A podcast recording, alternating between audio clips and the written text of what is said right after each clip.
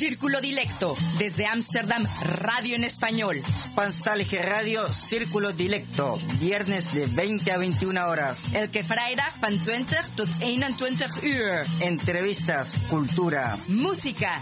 Círculo Dilecto, radio. Salto Stats FM. Cable 103.3 y 106.8, frecuencia modulada.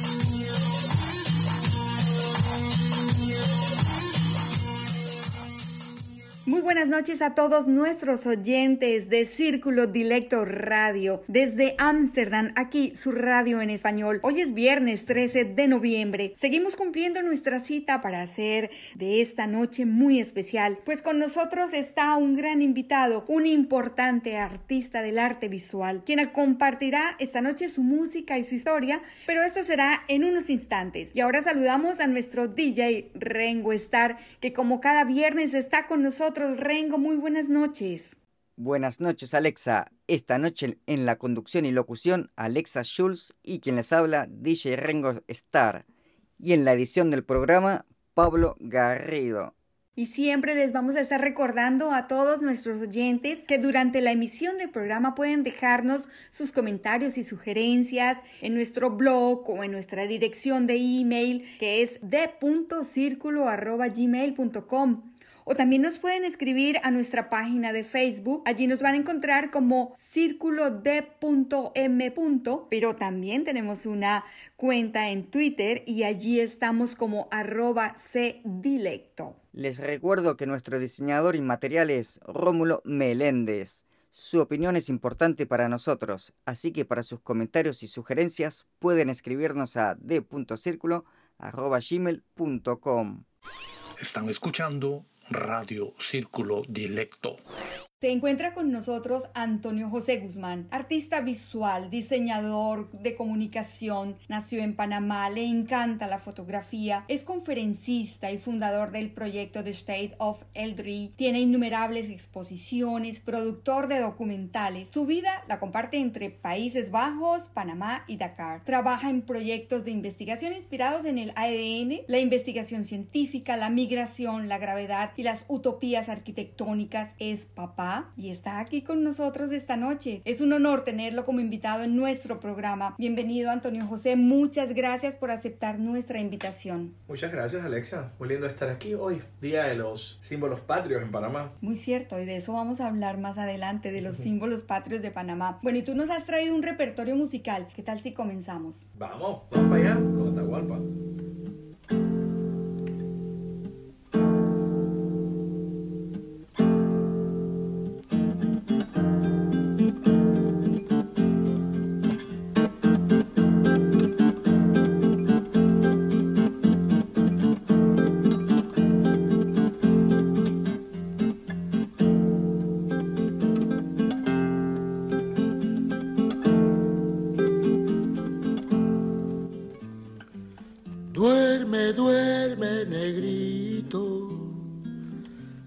Tu mamá está en el campo, negrito.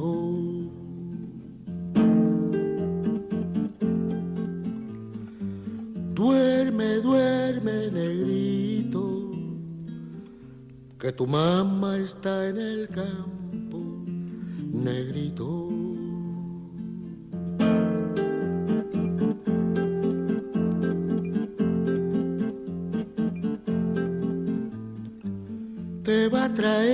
Traer codornices para ti, te va a traer rica fruta para ti, te va a traer carne de cerdo para ti, te va a traer mucha cosa para ti. Y si negro no se duerme, viene el diablo blanco y sas le come la patita chacapumba chacapumba a pumba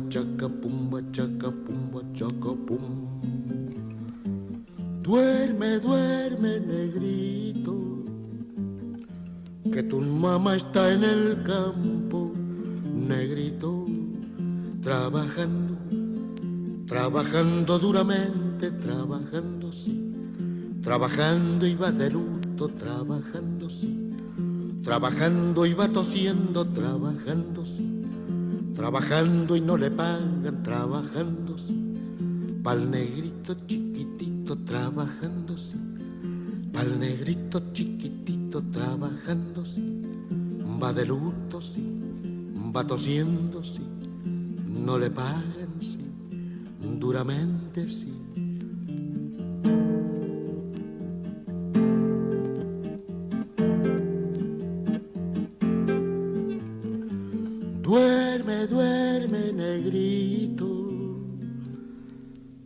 Que tu mamá está en el campo, negrito,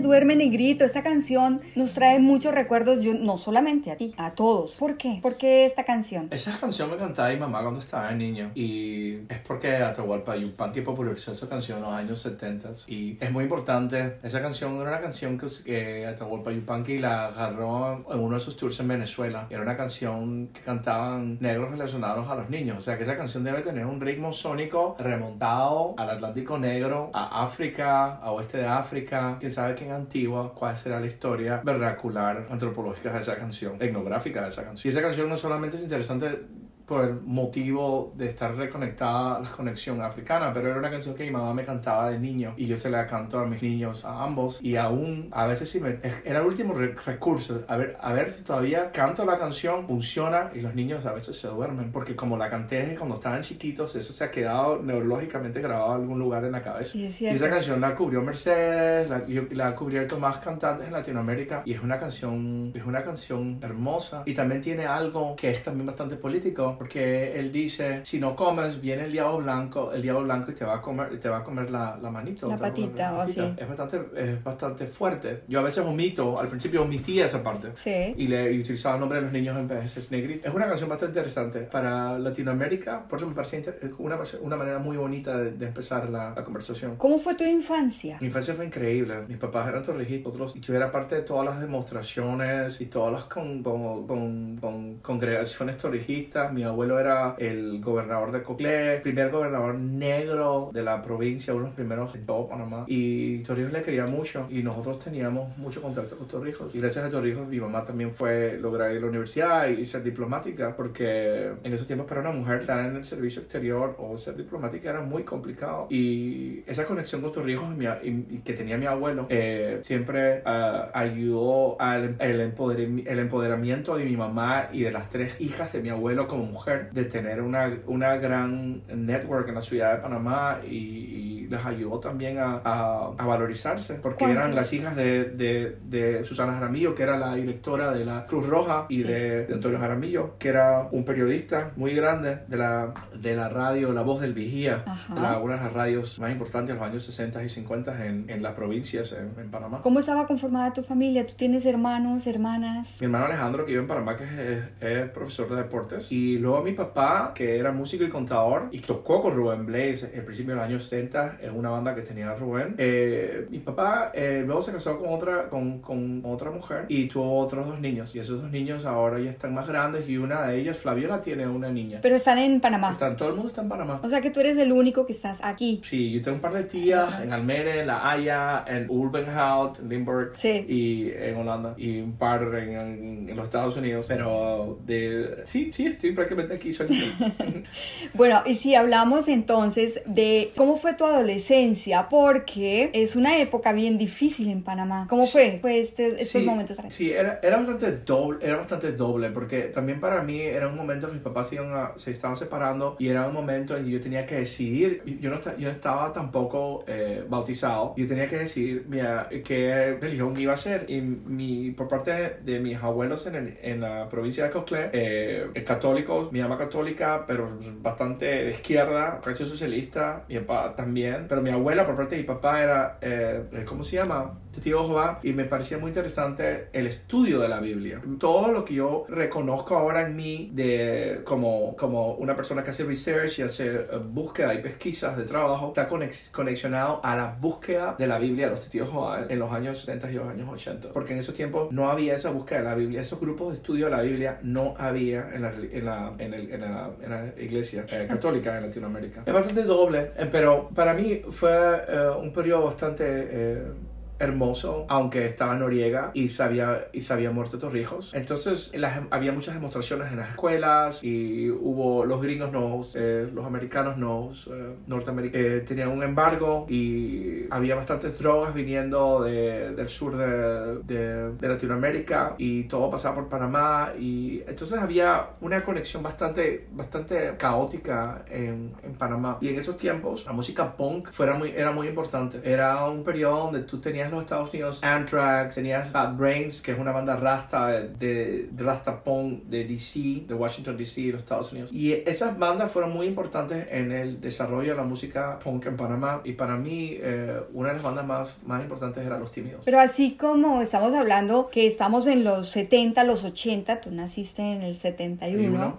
estamos hablando de los, de los 80, era una mezcla de culturas a pesar de que Panamá es un país latinoamericano, está en Centroamérica, Pero el hecho de que estuvieran ahí la, la base eh, de los americanos hizo que, que fuera muy diferente todo, por la música, por la televisión, Sí. por todo. ¿Cómo era vivir con esta mezcla? Era una relación, eh, para mis, mis papás era, más, era una relación más de odio eh, por el imperio. Para mí era una relación más de amor-odio. Porque era la conexión de amor con la, con la cultura pop que todos tenemos alrededor de- del mundo. Y con los blue jeans, con Converse, con t-shirts, eh, con la música, con Michael Jackson, con, Hen- con Jimi Hendrix, Sí. con la música pop y con la música rock. Entonces esa música era la música que, escuch- que escuchabas la mayor parte del tiempo en la, en la radio de las, de las, de las armadas estadounidenses. En la- porque en la radio de Panamá, eh, normalmente, igual que en los saraos o las fiestas de discoteca, solamente se tocaban dos rocks al final de la hora. Hasta el día de hoy todavía es así. Todo es la tanda de reggaetón. Antes era la tanda de música haitiana de Francia. Sí. De, perdón, de Haití. Ajá. Después venía la tanda de merengue. Después venía la tanda de salsa. Y después era la tanda de boleros. Y después de esos boleros, al final de la hora, dos rocks. Eh, era Joan Jett y B-52. Por esa es la razón por la que te costó tanto trabajo que me lo contaste, escoger las canciones para el programa. Sí, porque no, no quería, porque era demasiado yankee lo que había escrito. Ajá. Demasiado eh, gringo. Y, y entonces no quería, eh, era, para mí era una cuestión bastante social, política y una cuestión de identidad. Entonces es bastante difícil escoger, porque estaba entre la música... eh, de muchos cantautores lat- la- eh, latinoamericanos de aquel tiempo y, y cantautores de Panamá y la música eh, de los estaba entre Héctor Lavoe, Ismael Sí. Rivera y Kiss y, eh, Sgt. Pepper, The Beatles, entonces o Janis Joplin, entonces ahí había que encontrar o Santana. Pero mira que nos vamos ahora con la siguiente canción y con lo que nos estás contando, mira que nos vamos a ir con Con Santana. Santana. Porque Santana representa a ambos, porque Santana era, vivía en California, pero era papá de México, entonces Sí. representa ambas culturas, ah, pero es súper latino. Y todos esto es súper africano también. Adoramos a Santana. adoramos a Santana. ¿Qué dices si nos vamos a escuchar Santana? Vamos, que tenía Gino? etiquetes este año y lo cancelaron. Entonces, aquí en Círculo Directo lo vamos a escuchar. sí.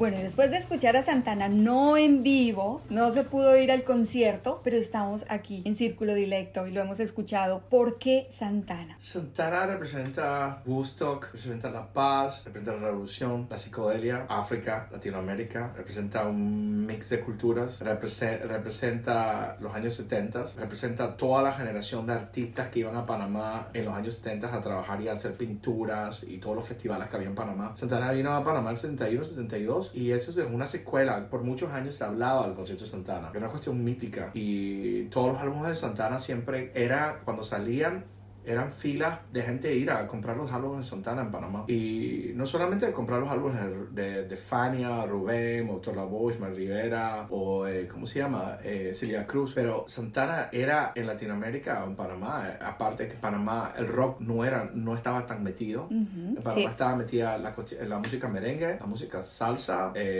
incluso la salsa de Venezuela con Oscar de Oscar León. de León, sí, claro. Y la salsa de, de Colombia con... Nietzsche, Guayacán. Nietzsche, sí. eh, y también la cumbia con Toto la Mupusina, otro. Que, y en Panamá que está la música eh, típica, que es una mezcla de la música, que es una, es alguna forma sónica tiene con la música cumbia. Pero Santana representa, en los años 70, representa la libertad y representa todo el color, los dachikis, los tie-dyes, la, la, los festivales. La, había muchos happenings en Panamá. Sí. Eh, que había la gente pintando los parques. Estaba Olo Whitey, que es un amigo mío, Guna, indígena de Panamá, que tendrá ahora como 60 y pico años. Y lo recuerdo con el cabello largo, pintando con pintores extranjeros, los parques. Y esa música, jingo, como si hubiera como un soundtrack de, de los años 70.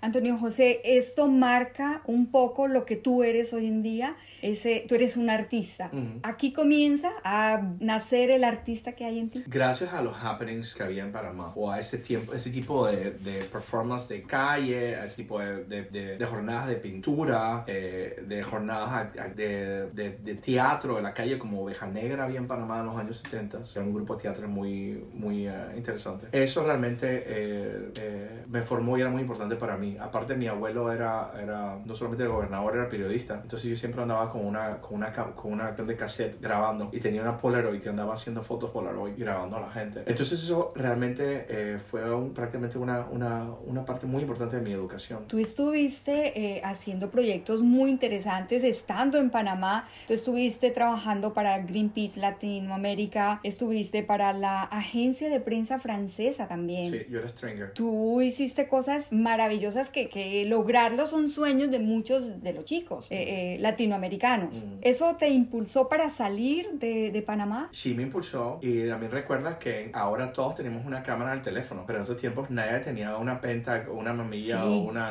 una, una, Nikon. Claro. Era, era otro era otro juego. Si tenías una cámara y sabías hacer fotos y sabías, tenías, sabías revelar las fotos, tenías el mundo a tus pies, eh, era, era, otro, era, otro, era un juego completamente distinto. Y igual eh, yo estuve trabajando con la organización eh, de indígenas unidos por Aviala, que era una organización que se llama Napuana, una organización indígena que ayudaba a pesca artesanal, ayuda de luz solar, de otras cuestiones de identidad, que estaban, eran parte de un protocolo de comunidades indígenas en Latinoamérica, de las primeras naciones Latinoamérica, después de 1892, que era el año de los 500 años del descubrimiento, sí. que ellos en, en, Sao, en Sao Paulo y en Río hubo oposición, no recuerdo si fue en Sao Paulo o en Río. Entonces yo trabajaba con Aguana y yo hice yo vivía un tiempo en una isla que se llama Tigre y yo hice, hacía fotos de las comunidades indígenas cuna. Y aquí en, aquí en Holanda había una organización que se llamaba Hola eh, y yo hice una exposición aquí con esas fotos. Yo realmente llegué a Holanda porque con la cámara yo viajé en Latinoamérica, eh,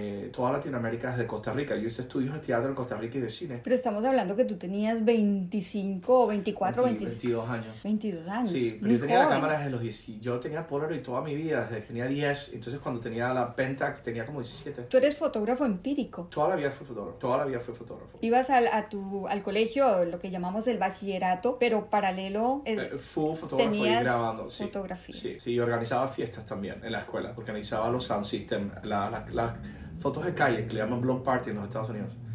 y organizaba los block parties, que venían los guerreros de la música, que era una de las bandas, una de los DJs más importantes de Panamá, ya no existen, pero era una cuestión legendaria. Cerrábamos la calle con, la, con el ayuntamiento y, y, era toda la, toda la, todo, venía toda la escuela y todo el mundo por 50 centavos. Pero mira que en esa época las mamás decían, estudia, ve, haz una carrera a la universidad. Y tú no, tú tenías tu cámara y, y estabas haciendo cosas muy importantes, muy interesantes. ¿Cómo fue esa reacción de tu mamá o cómo fue la relación? Yo todo el tiempo repetí dos materias. Siempre, siempre me tocaba repetir dos materias. Y nunca me quedé, pero repetí dos materias y siempre las repetía en el pueblo. Y en el pueblo eh, podía ir sin uniforme a la escuela. Y era una fiesta. Y en el pueblo en bicicleta. Ibas en bicicleta a la escuela, sin uniforme. Hacer un mes a repetir la materia. Era una cuestión increíble. Lo hice toda la vida. O sea, lo hacías a propósito.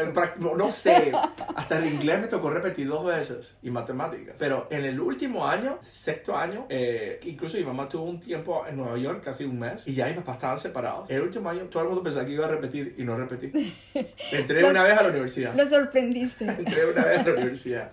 y nunca te dijo ella, tienes que hacer una carrera que te dé dinero, una piensa en tu futuro, porque Mi papá decía ser artista no era. Pero yo no pensaba ser artista, yo pensaba, yo siempre pensé trabajar con fotografía y comunicación social. Entonces yo por eso hice comunicación social con énfasis en, en, en, énfasis en publicidad y mercadeo, que es una en la Universidad de Lima, que es una universidad eh, colombiana. Entonces eh, fue muy importante para mí el estudio de, de lo que todo el acontecimiento de, de, las redes sociales que existían en aquel tiempo, que eran los periódicos, la televisión, la radio, los flyers, los do it yourself. Eh, y así quedé trabajando en Greenpeace, así quedé trabajando en, la, en Front Press y en una publicitaria que se llama eh, P3 Ogilvy. Yo era el fotógrafo de la publicitaria. Pero entonces hiciste una carrera que hizo una base, pero muy fuerte para lo que eres hoy en día. ¿Qué tal si nos vamos con la siguiente canción? Canción, porque yo creo que te va a traer muy buenos recuerdos. El viejo con los tímidos. Sí. ¿Nos vamos? Vamos allá.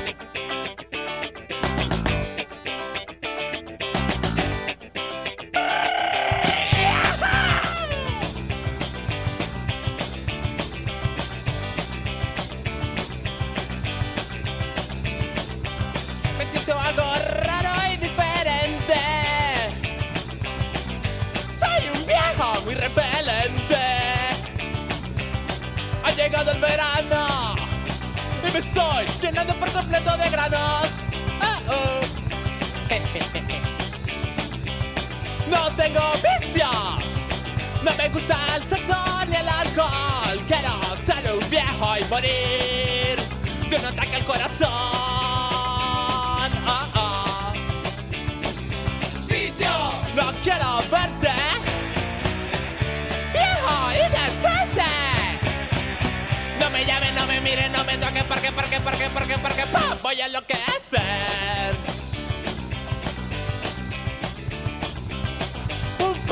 Está mirando y me está perturbando. Mi mano lo está buscando, ya lo estoy estrangulando. Ya estoy feliz, conseguí lo que quería. Soy un viejo malo. Muy malo. Ahora tengo vicios.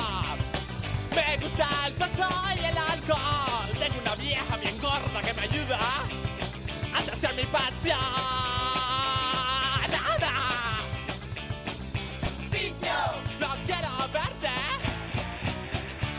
Viejo indecente. No me llamen, no me miren, no me toquen, porque, porque, porque, porque, porque, pa, voy a lo que es. Me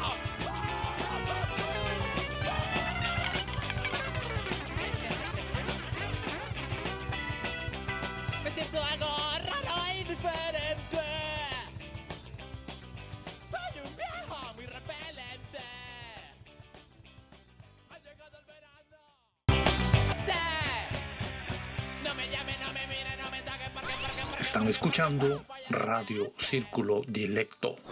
Bueno, acabamos de escuchar El Viejo de los Tímidos. Es una canción maravillosa. Es el punk en Panamá, ¿eh? tipo años 80. Es muy importante para mucha gente. Ahora, ellos hicieron el último tour en el 2003. Yo creo que ahora se reunieron de nuevo hace unos años, un año o dos. Remus es amigo, muy amigo mío, él es profesor de yoga, el cantante. Los Tímidos eran muy importantes a nivel eh, de, no solamente de instrumentación y sonido, pero de la manera dramaturgia que, que utilizaban las letras y la forma del coro y que no era una imitación de Ramones, pero era algo totalmente latinoamericano. Los Tímidos es lo que después se convirtió en Rabanes, que es una de las bandas más importantes de punk latinoamericanas, que son de Panamá y son de la provincia. Pero Los Tímidos es antes, es los tiempos que había las bandas de patio en Panamá, como Los Tímidos y... Eh, Ay, pero suena muy Olvido los nombres.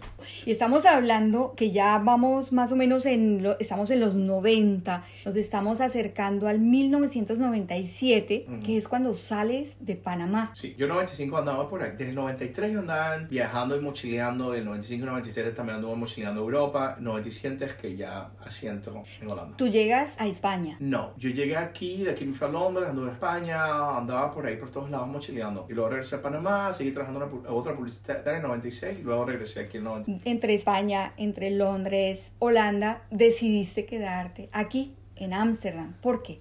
Porque tenía una bicicleta, eh, era posible registrarse en una casa ocupada sin ningún problema, eh, porque había mucha gente que quería trabajar conmigo como fotógrafo. Eh, yo podía trabajar como asistente de fotógrafo de bastantes fotógrafos importantes y también conseguí trabajo en, una, en Elsevier, que es una una, una editorial de, de ciencia. Y en el Sevier estaban haciendo, este, era el, año de la automatización, ah, ¿cómo se llama? Pro- del proceso digital, automatización. Entonces necesitaban a alguien que escaneara libros y tuviera eh, conocimiento editorial, conocimiento de fotografía, de, de registro, digitalización de, de datos. Y entonces yo era una de las personas importantes ahí haciendo todo eso, de todas revistas de ciencia, de astronomía, de osteoporosis, de nuclear research, astronomic research. Como yo, eh, como fotógrafo, tocaba escanear muchos documentos y eh, hacer muchos registros de datos para las, campañas, las campañas publicitarias y los trabajos de, de que hice con FranPress. Era, un, como, era una manera bastante sen- sencilla, un enlace entre mi trabajo. Entonces yo seguí siendo, siendo fotógrafo eh, de todas las revistas que había aquí, pero ese era mi contrato, era mi Life Conin. Sí. Eh, ¿Cuándo comienzas a separarte un poco, llamémoslo así, de la fotografía para hacer lo que haces hoy en día? Esas exposiciones, porque también hiciste documentales, has hecho muchísimos trabajos que te han dado un nombre aquí en Holanda. Alguien busca a todos nuestros oyentes Antonio José Guzmán y la historia, el historial que se encuentra es grandísimo. gracias a Dios. Sí, y es, es eh, cómo comenzaste todo esto a decir, bueno, ya hacerte ese nombre que tienes hoy en día. El nombre lo tenía en Panamá y siempre se ha quedado esa leyenda de Tony Guzmán se quedó en Panamá por muchos tiempos porque yo tomé fotografías de rabanes y trabajaba en Greenpeace, bla, bla. ¿Qué pasa? Que yo decidí hacer estudios audiovisuales en el Richfield Academy, estudios de cine, es el departamento de audiovisual. No quería estudiar fotografía porque me parecía, ya tengo casi 15 años haciendo fotografía porque voy a estudiar fotografía, entonces estudié cine y ahí quedé haciendo documentales. Y de ahí viene el film El Milagroso, que mi fue el, el final de el film de- final de tesis, está mi abuela y donde es un eh, el film es una oda a un holandés que se llama Bastian Adder y Bastian Adder eh, murió en el Atlántico tratando de cruzarlo en un barco. Entonces en este eh, film yo trato de mezclar lo que es la gravedad a lo que es la nostalgia, la saudade, la melancolía de estar aquí y estar siempre con los pies entre la- en el medio del Atlántico. Entonces ese film quiere el milagroso es de alguien que quiere cruzar en, un- en una nave de vidrio, cruzar de Panamá a, a Holanda. Con una reseña que leí en, en, en la búsqueda que hice, es atravesar el Atlántico dentro de una botella. Ajá, era, era bastante conceptual, pero mucha gente, yo lo fui a filmar a Panamá y la gente me creía, como la gente piensa que estoy completa, mucha gente piensa que este tipo es súper, eh, ¿cómo se llama? No solamente loco, pero súper eh, eh, extravagante en sus ideas. Pensaba, la gente mucha pe- pensaba, Sí, él que tú. quiere, y piensan, Sí. él tiene los resorts, tiene resorts del dinero en Holanda, seguro le han dado un resort para hacer un barco con, de vidrio y va En forma de botella. en forma de botella que quiere viajar, como el Contiki que se fue a, a- ¿cómo se llama? A Cal- a Nueva Caledonia, no sé, a la Polinesia desde Chile, Ah, sí, sí. desde sí. Perú o Bolivia, no sé. Sí, sí, sí. Eh, no sé, es, eh, mucha gente se lo creía, entonces en el film, eh, es un film cortometraje, es muy interesante porque, porque va de eso. ¿Y cómo fue el resultado cuando lo vieron en Panamá, me imagino? En Panamá lo vieron, lo vieron en, eh, en, en Colombia también, en el Museo de Arte Moderno. eh, en Panamá eh, lo pasaron en alguna casa, algún festival. Pero en Panamá en aquel tiempo no había los festivales de, de cine que hay ahora. Era en el momento que todavía estaba por empezar, 2006. Sí, pero a mí, a mí me llamó la atención y, y, bueno, me has contado, me has explicado que fue hace tiempo, pero el solamente, solamente ver la botella y una persona dentro, el efecto es muy interesante y muy llamativo. Sí, fue un trabajo de edición interesante porque el- eh, nosotros lo filmamos con, una, con un plástico grandísimo aquí en las playas. Entonces eso está editado como si estuviera en Panamá. Entonces tú me ves en Panamá hablando, pero entonces ves partes de Sí. mí caminando con un, eh, con un plástico, un vidrio increíblemente grande y se siente como si estuviera moviéndome en el océano. Ajá. Pero un trabajo de edición. Pero un trabajo de edición muy bien hecho. Bueno, y mira que del viejo, Los Tímidos, nos vamos ahora a Soda Estéreo, ¿te parece? Sí, es estéreo, increíble, con artichopelados. Con Aterciopelados. Un plot total, el periodo más lindo de su estéreo. Bueno, entonces eh, hacemos una pequeña pausa y ya regresamos. Vertebracín, vertebracín, vertebracín, vertebracín, vertebracín, vertebracín, vertebracín, vertebracín, vertebracín, vertebracín, vertebracín, vertebracín, vertebracín, vertebracín, vertebracín, vertebracín, vertebracín, vertebracín. En columna Sin Vértebras vamos a hacer un homenaje a Carlos Fuentes, que nació en Panamá un 11 de noviembre de 1928. Él decía que se consideraba un escritor cervatino por el simple hecho que usaba la lengua castellana.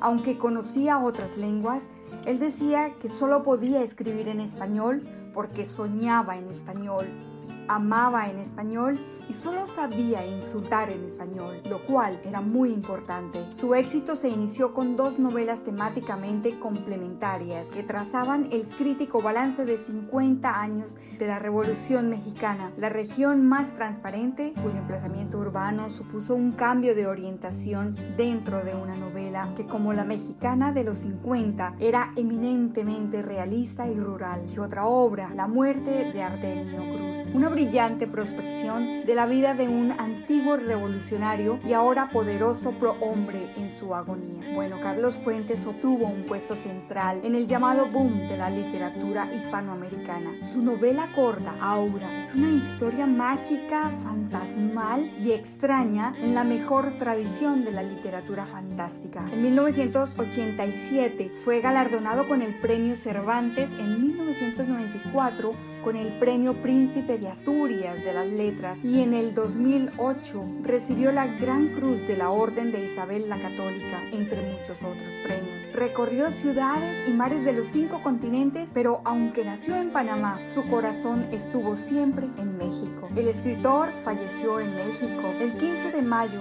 del 2012 a los 83 años de edad.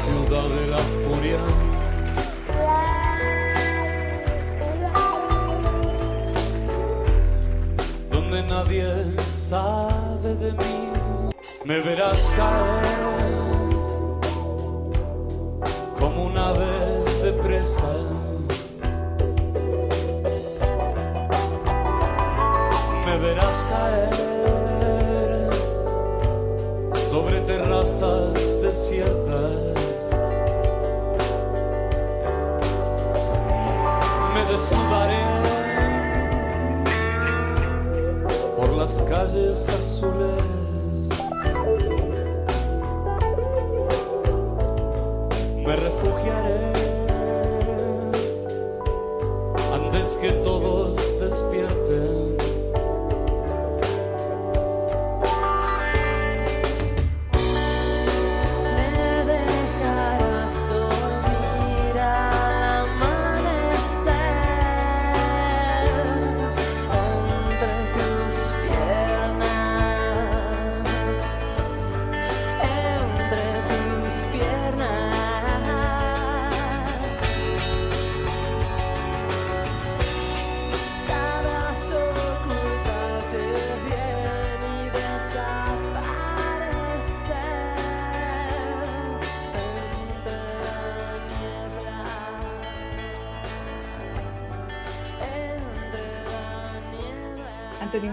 Soda Estéreo nos transporta a Latinoamérica, nos transporta a todos lados, pero bueno, nos vamos a quedar aquí con tu obra. Estábamos hablando ahora de la obra audiovisual, lo que tú estabas haciendo, pero estoy viendo detrás de ti que hay una obra artesanal, es un arte moderno. Sí, es muy interesante que el arte moderno pueda ser artesanal, porque por muchos años se ha visto el arte artesanal o, o el arte vernacular o lo que hacen los indígenas en Latinoamérica o el que se hace en la India o en África como algo artesanal. Pero desde los tiempos del Bauhaus, de los tiempos de los trabajos de, de maestros en, en China, en, en Japón y en la India, el trabajo en, o en, en Java, Indonesia, o en Mali, en África, el trabajo textil son realmente obras de arte moderno. Y ahora, pues tantos años, se reivindica nuevamente y la gente de nuevo está hablando del trabajo de textil. Y hay muchos artistas en Latinoamérica, en Guatemala, en Chile, Argentina, en Brasil, trabajando con textil. ¿A ti qué te inspira? Cuando estás, yo los cuadros que estoy viendo detrás de ti, ¿qué te inspira? ¿Cómo llegas a esta obra? Yo como documentalista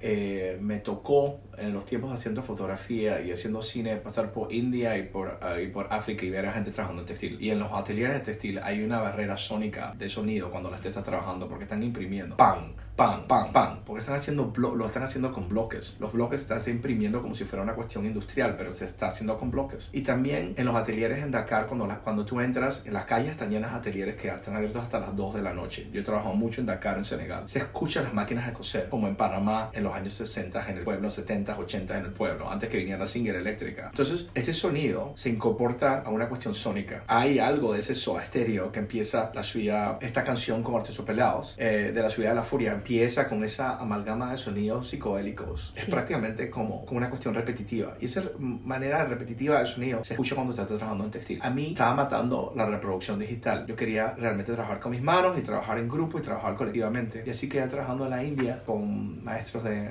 del índigo. Tú tienes una exposición, es un proyecto que es sobre el índigo. Sí. Cuéntanos. El índigo es importante porque el azul es un color que en Latinoamérica no nos damos cuenta que siempre ha estado impregnado en nuestras, en nuestras memorias. No solamente por el océano y por el azul de nuestros veranos en Latinoamérica y por la relación que tenemos con el Ecuador, que puede ser también que hace el azul y el horizonte más trascendental nuestras playas o sea El azul también que se ha utilizado en Guatemala, donde la, la reproducción de índigo era muy grande, el azul de los blue jeans de la cultura pop. El índigo es un color que es muy... El color es un, un material que es muy importante y en las colonias de, de, de, de Holanda eh, el índigo era, fue utilizado y, y también era utilizado por la gente africana como algo de, ritual para cuidar del mal de ojo, para cuidar de los males, para cuidar de, los malos espíritus. Pero para los colonistas era una manera más fácil de hacer el azul de lo, de la que se hacía en los años en 1800 en, en Europa. Estábamos Hablando que el índigo sale de una planta que es verde. Que es verde.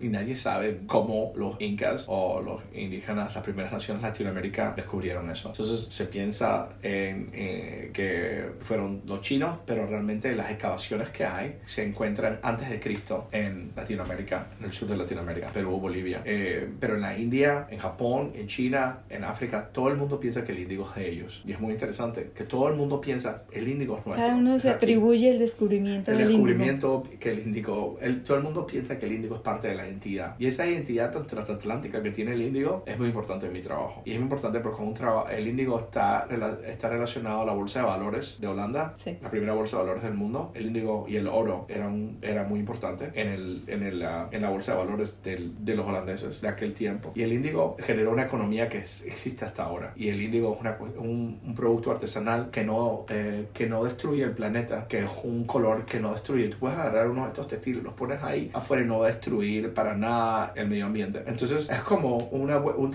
un completo giro de 360 grados sí. a la naturaleza, a, a, la artesanía, a lo artesanal y sigue siendo una obra de arte completamente moderna o futurística. Yo lo llamo retrofuturismo. Ajá. Y si le contamos a los oyentes cómo has tomado este índigo en tu proyecto, en tu obra, porque cuando se ven los cuadros, hay gente detrás de ti, todos de azul, con unas batas azules. ¿Qué es lo que quieres transmitir? Yo trabajé con, con una serbo-holandesa que se llama, trabajo con una serbo-holandesa que se llama Iva Jankovic.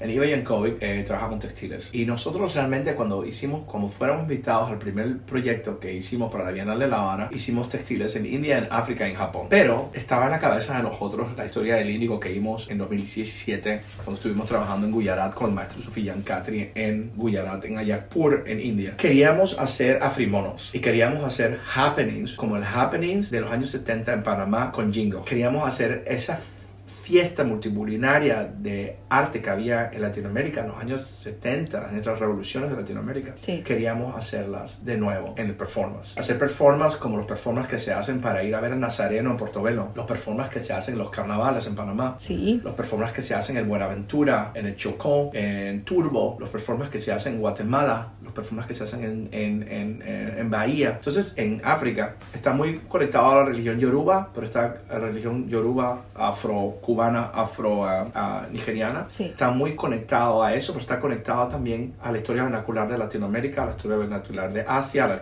cultura vernacular de África. Y nos remonta a ese periodo, años 60, 70, esos happenings. Entonces tiene algo bastante nostálgico el performance. Y la música del performance está hecha con mi propio ADN. Sí. Mi propio ADN se ha utilizado para, le he utilizado para hacer una composición que se llama Transiluminación número uno. Y está hecha para marimba, para órgano de barril, para piano y para bandas de viento. Bueno, volvemos entonces a hablar un poco de la música. Nos vamos con una canción y cuando regresemos yo quiero que le cuentes a los oyentes cómo pueden ver tus obras, dónde las pueden ver. Entonces nos vamos con Ronnie Size. Ronnie Size, años 90, total. Bueno, entonces ya regresamos. It is still the undefeated and heavyweight champion of the world, the brown paper bag.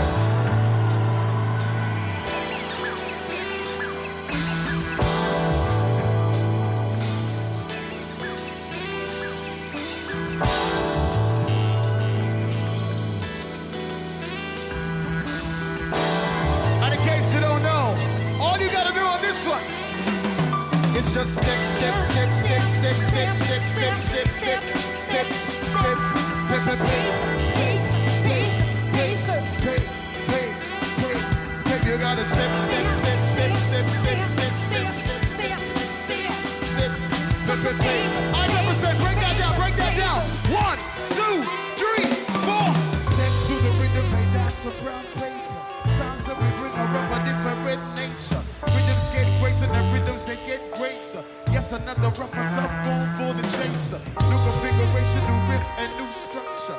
Belts on a frame that'll hope they won't puncture. Tight, we wrap it up, it's wrapped tightly. Hip lips, the bass is the heartbeat that it gives. When we apply the brakes, there'll be no skids. Just more raw elements to continuous recline. Mentions animism, ascending, giving us you will find. It's from every angle, so expect the unexpected. Regularly up to date, that means it's regularly up to date. Represent the fusion of the minds that stay connected. The style that is presented, the science of the mark that is intended, yeah. Están escuchando Radio Círculo Dilecto. En el mes de noviembre sorteamos el libro Cuentos cortos para leer en la cama de Almudena Grandes, Carlos Fuentes y Mario Benedetti, entre otros autores. Lo único que debe hacer para participar en el sorteo es escribirnos a d.circulo.gmail.com antes del 29 de noviembre del 2020.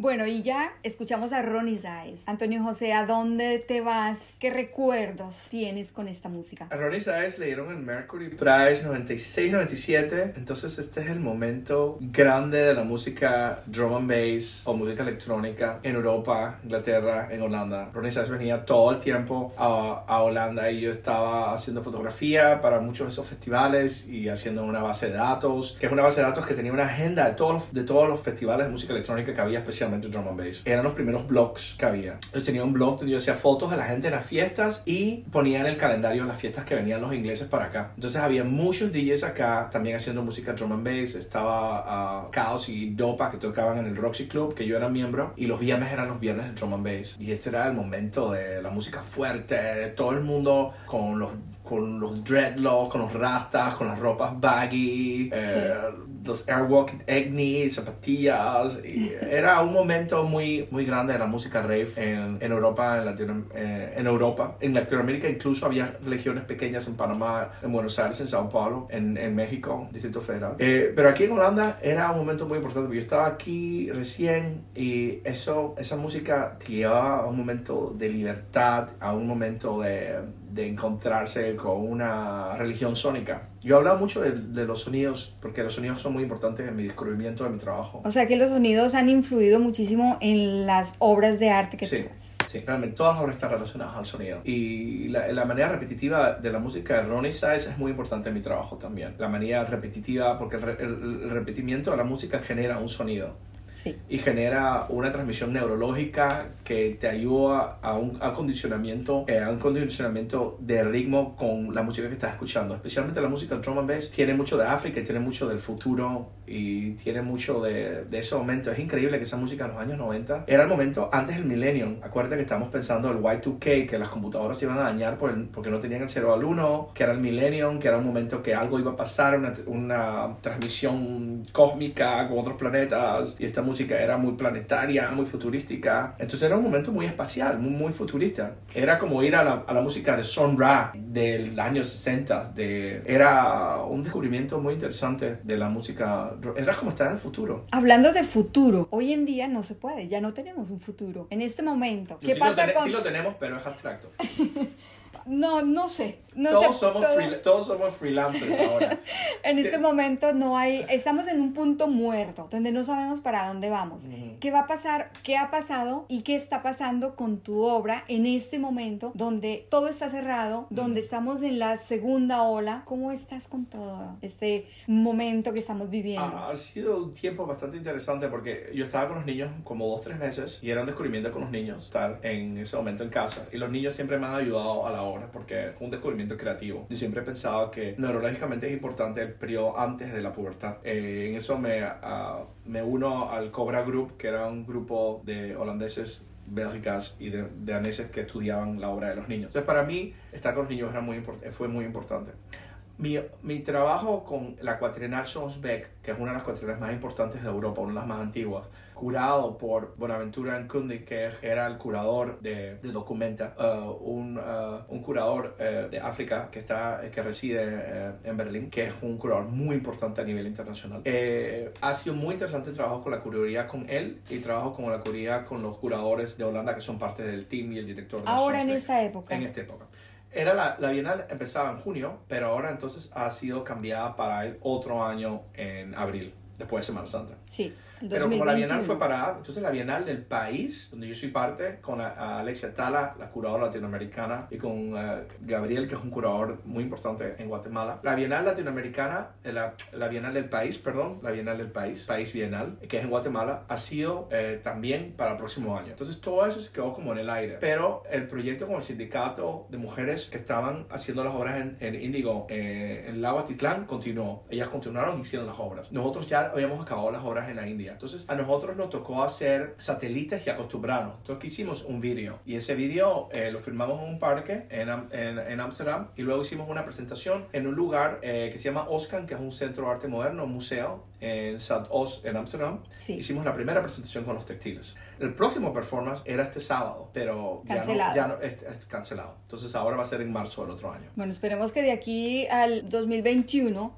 las cosas hayan cambiado porque realmente todo lo que se aplazó en el 2020, te cuento que se va se acumuló y Sí, el tengo- 2021 va a ser muy Tengo un acelerado. montón de proyectos, pero yo te puedo decir que yo estoy casi seguro que los proyectos van a estar ahí, pero puede ser que sin, audien- sin audiencia. Vamos a ver, ¿por qué no nos vamos? ¿Por qué no nos vamos entonces con Teo Calderón y ni fu ni fa? Esa canción dice todo, ni fu, ni fa. Ni fa. Mira, Justo para esta un maestro. para esta época. Entonces nos vamos con ni fu ni fa.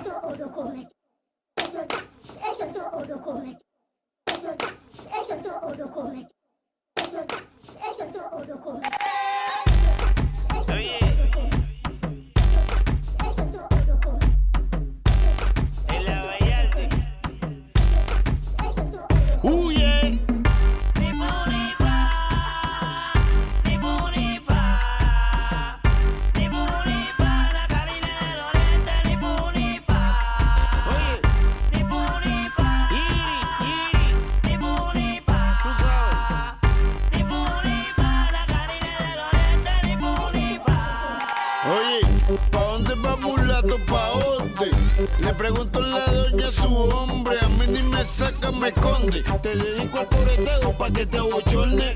Ey, sangaletón, ¿cuándo y dónde? Tú ya ni resuelve, dime responde. ¿Pa' la calle qué? A pasar vergüenza, tú no apagas fuego desde los 80. Marido a la venta. Ok.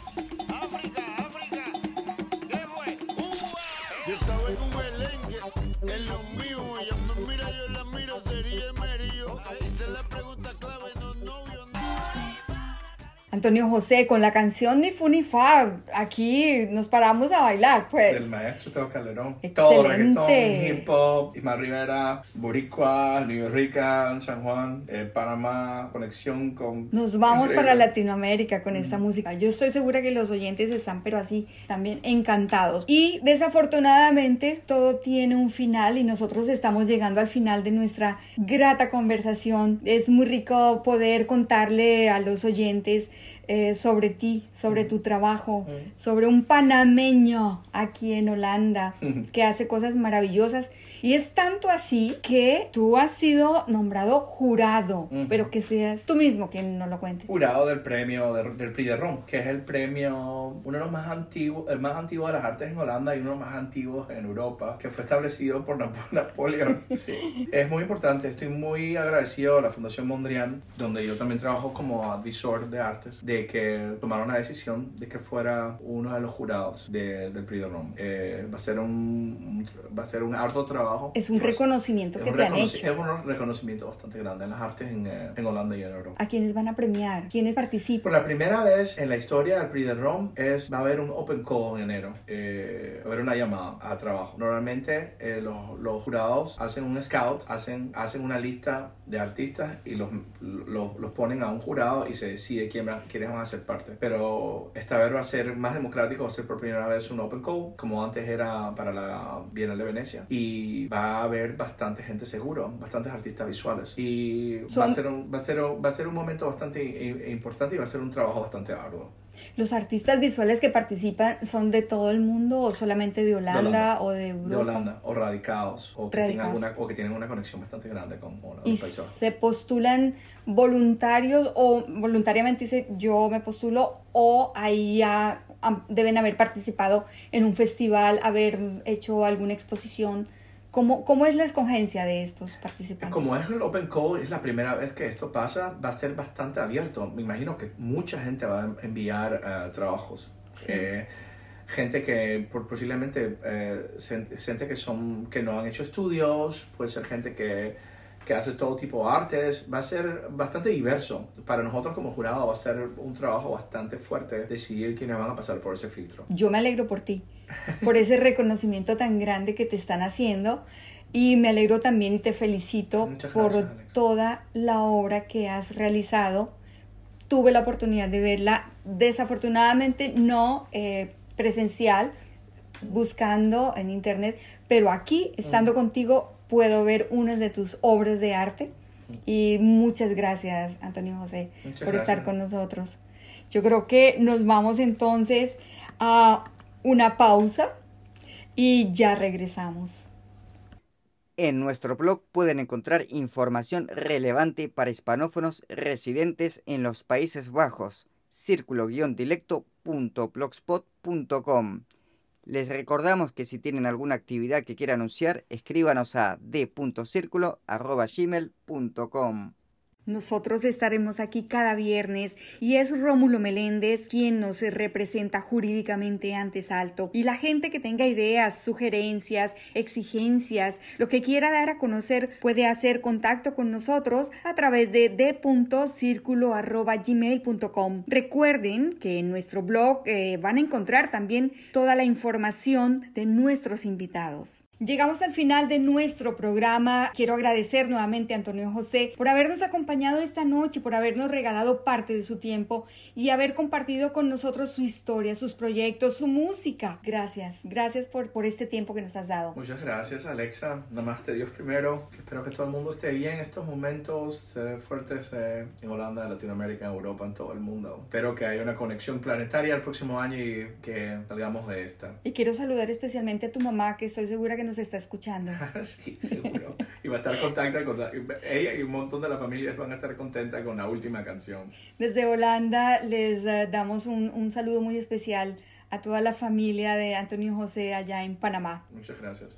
Y por eso los vamos a dejar entonces cuando cerremos el programa con una canción al caminar llevar de llevarte a amarte. De mis, de, de, mis primos Pipe y Jairo. Pipe, que en paz descanse, se murió hace casi 10 años y era el cantante de esta banda. Y Jairo ahora, eh, el hermanito, es el que está cantando. Y Pipe es el que canta esta canción. Era el cantante Llevarte a Marte, el primer cantante, porque ahora es Jairo. Y Pipe está cantando esta canción que es muy bella. Entonces no se vayan, que el cierre lo haremos con Al Caminar. Y yo, como siempre, le mando un saludo a mi abuela y a todos los radio oyentes de Radio Círculo Directo. Y a nombre de todo el equipo les deseo un excelente fin de semana y esperamos encontrarles de nuevo el próximo viernes 20 de noviembre en Círculo Directo, cable 103.3 y Ether 106.8 FM Radio Salto. Y no se vayan, los dejamos con la canción Al Caminar del grupo Llevarte a Marte.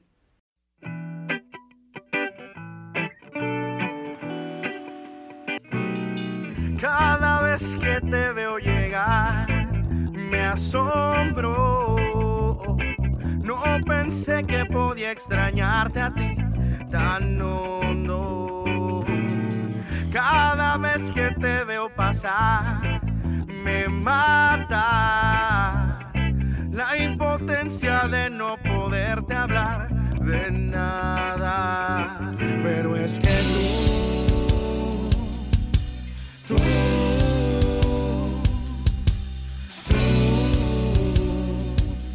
tienes ese algo que no he podido encontrar en las calles de la ciudad, en las maneras de pensar, en las luces de los autos al caminar.